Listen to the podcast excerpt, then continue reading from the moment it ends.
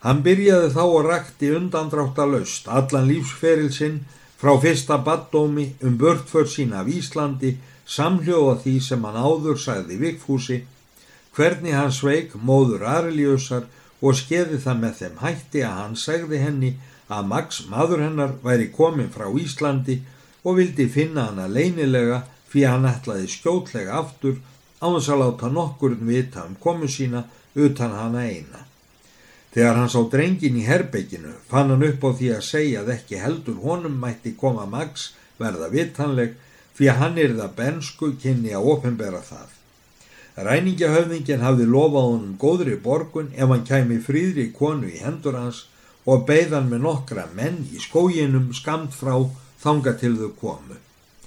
Þegar hann fann Arilíus í skóginum kom honum í hug að ræningin myndi kannski vilja kaup hann eins og, hann, eins og raun varð á. Hann sagði þeim frá kaupi sínu við Vikfús og hvernig ferðans til Danmerkur átti rót sína í því, ekki þó til að drepa Óla, heldur undir velvildar yfirskinni að hafa út úr hjá honum peninga og svo framvegis allt eftir því sem lesara er kunnur. Þeim nýtti mjög við frændum þegar þeir heyrðu að Gís var íslenskur. Þóttist Ólafur skilja að hann myndi bróðir Þorbjarkar á hala og allar líkur fundust honum til þess að Vigfús Gísurarsson sem afa hans kom í ólukkuna myndi vera fadir þeirra og að síðustu þekkti hann af lýsingunni að Vigfús lagsmaður hans var sá sem kifti Gísur til að drepa hann en fyrir hverja sög vissan ekki því honum fannst sem var að hann ætti að honum gott en ekki ílt skilð. Ekkert vissi Gésum Lars síðan þeir skildu hjá trénu og þótti það nokkur megin víst að hann myndi hafa strókið til annara landa og verið þeim mun hygnari en Gés. Nú hef ég eins hlutar að krefjast og annars að byggja, herra dómari, saði Arljus.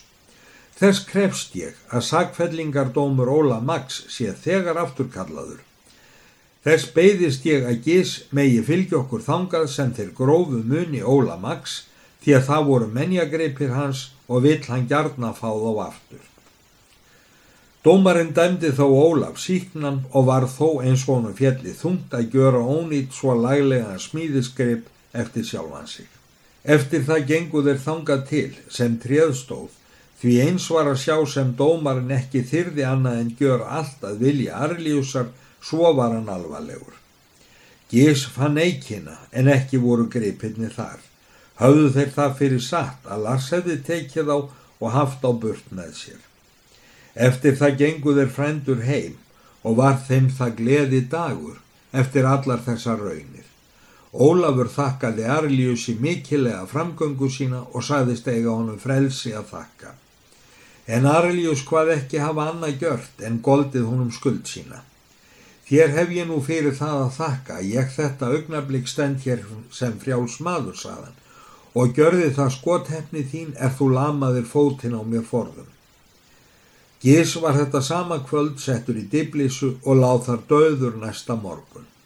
Sáðu vitri læknar að hann hefði dáið úr hugleysi eftir að brennivínið var raunnið á honum. Ólafur restist fljótt eftir rakningin og hugarangrið. Þeir skrifuði Magnúsi greinilega alla söguna og vottaði hann þeim í næsta brefi gleði sína yfir afdrifum gissurar. Hann tók það svo til orða. Það er gleðilegt að vita hvernig réttlætið sjálft hefur tekið þetta af oss. Það má nærri geta hversu sára kvöl hann hefur liðið þegar ílverk hans verðu opimber. Það sýnir sér best í því að hann beði dauðan af þó hemdin sér sætt fylgir henni ávalt eitthvað leiðinlegt og blóðsúthelling er ætið eitthvað óeðlilegt enda ókristilegt. Ólafur tók nú aftur til skrifstofustarfa sinna. Urðu fyrir félagsbræður hans fegnir afturkomu hans og frelsi því hann var bæði hjá þeim og öðrum vinsæl. Ariljus negðist að sömu störfum og brúkaði Ólafur frítíma sinn til að kenna honum. Stórkaupmaðurinn sem hann var hjá hér maðursen ríkur mjög og átti á ýmsum stöðum verslanir. Hann átti eina dóttur barna og var hún þá gjafvaksta er hér var komið sögunni. Það var grunnur manna og hún liti hlílega til Ólafs en ekki gatt hann sinni að fyrir með sjálfum sér að hafa orðið þess var þótt hann vildi ekki láta það ásannast. Eitt sinn sagði Madsen, Óli Max, þér eru sá maður sem ég hefur fallið best við í þjónustu minni og ég þess vegna síst vildi missa. Mér væri kært að geta upp á einhvern máta bundið yður við forlög mín en þó engu þvingunabandi fyrir yður. Nú hefur mér þó um tíma verið í huga að yfirgefa yður því að mig langar til að freysta lukkuminnar og fara verslunarferð til Íslands sem er eins og þér nú vitið fósturjörn mín. Það kalla ég ekki að þér yfirgefi mig þó þér farið þá ferð. Hún geti miklu heldur tengt okkur nánara saman. Ég vil til dæmis lána yður vörur eða vera í félagi við yður og geti þér þá vestlað fyrir báða og það held ég miklu heldur samband en skilnað okkar á milli. Vörur þarf ég að sönnu ekki frá yður. Þar mér er þeim lofað áður úr öðrum stað. En vil þó ekki að öllu leiti slá hendi á móti því sem þér bjóði mér og kýst þá helst að eiga félag viður. En hvort það þar fyrir til lengdar saminar okkur, þarum get ég engu lofað. Þess æski ég heldur ekki að svo stöldu, en ég hef annað tilbóð að göriður, sem þér kannski ekki fyrirlítið. Því ég veit að þér munu, og þeir munu ekki margir sem gjöra það, vil ég þá ekki mæjast við mig og eiga dóttur mína. Ég hef það álit á yður að ég myndi ekki kjósa mér annan heldur fyrir dótturmann og svo er mér ekki grunnlaust um að henni sjálfri sé þetta nokkuð hugleikið. Það er mér helst í hyggju að giftast ekki að svo komnu og ef til vill aldrei þótt mér verði nokkur að lífdaga auðið. Get þess vegna ekki tekið þessu vinsamlega tilbóðiðar allra síst fyrstum sinn. Essi badnalæti þekki ég frá gamalli tíð en þau hverfa skjótlega oftast nær. Ég ætla nú samtak all á dóttur mín og að heyra svör hennar hvernig sem fer. Þess þurfi þér ekki að þessu sinni herra maðsinn. Ekki heyrði hann hvað Ólafur sagði því hann var komin út úr herbeikinu og kom eftir nokkuð tíma með dóttur sína prúðbúna. Hún heilsaði Ólafi með ofur spauilegum neyingum og beigingum eins og hún vildi vera dáliti meira en náttúrulega kurteis. Hér sjáu þið nú jónfrúna dóttur mín Óli Max og getið er heilt hverju hún vil svara. Ég sagði þúr áðan að það er fjari huga mínum nú sem stendur að giftast og beigðist þess vegna yngra svara í þetta sinn. Hitt gæti skeið að ég síðar tæki gladur æru þeirri sem þeir nú bjóði mér. Hvað er yfir að vannbúnaði, herra Max? Ég er orðin gjafvasta og úr því fær maður að tapa sér ár frá ári. Ég hef nú alltaf mér að fara vestlunarferð til Íslands hvernig sem ég svo breyti högum mínum. Úh, til Íslands, getur nokkur maður lifa þar og æfinlega þurfa ganga og sitja á ís. Þar hefur maður líka reyna jörðaganga og jónfrú góð. Svo, hvernig er hún á litin? Og hún er nú græn eins og danska jörðin. Það er þá betra en þó að þér farið til Íslands getur þá samt ekki átt konu í Kaupmannhöfn Svo er hún þar til þegar þið komi heim aftur. Ég gjör nú kannski ráð fyrir að taka mér bólfest á Íslandi og kom ekki til Danmerkur aftur.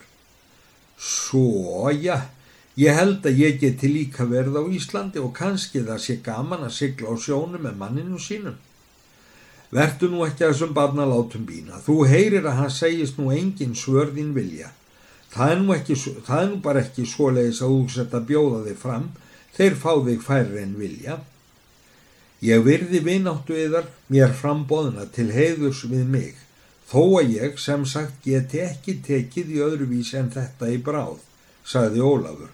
Stóð upp og kvatti þau og syndist honum bín að standa með tárin í augunum þegar hann gekk út. Hann var í engum vafum það að kaupmannstóttirinn vildi fyrir hvern mun eigan, en það var honum mikil fremur til ama en eftirlætis.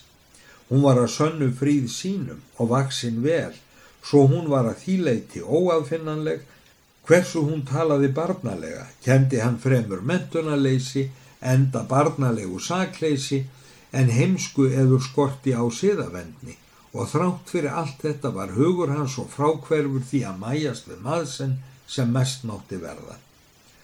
Hann saði Arlíusi frá samtali þeirra og spurði hvað hann vildi ráðast verið í því tilviki.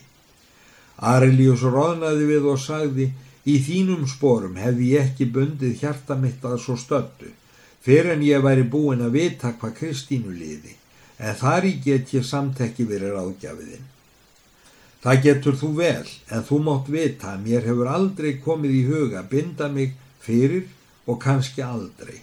Það er nú staðfastur ásætningu minn að fara til Íslands og vita hvers ég verð vísari. Eftir þetta fór Ólafur að finna afa sinn og tók Magnús glaðilega á móti honum.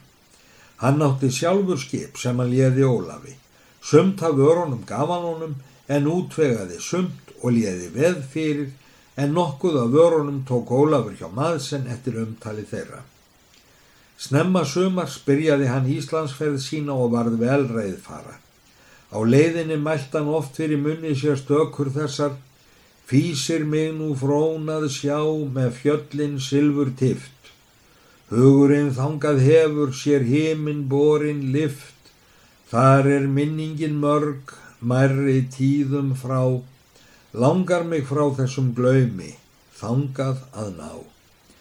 Æsku blíðu árin mín, indis stundafjöld, lifa í minni ljúfu, allt lífsins fram á kvöld, ástinn heitust og reyn, hjartað glatti þá, unað skeistla, blís lífsmhimni, blikaði á. En þessi tíð nú þróttin er og þar með gleði mín. Indis fögur eigló mér ekki lengur skín, fyrir gleðina grátt gaf örlaga dís, hjartað brostið, ángri valda, undir svo rís.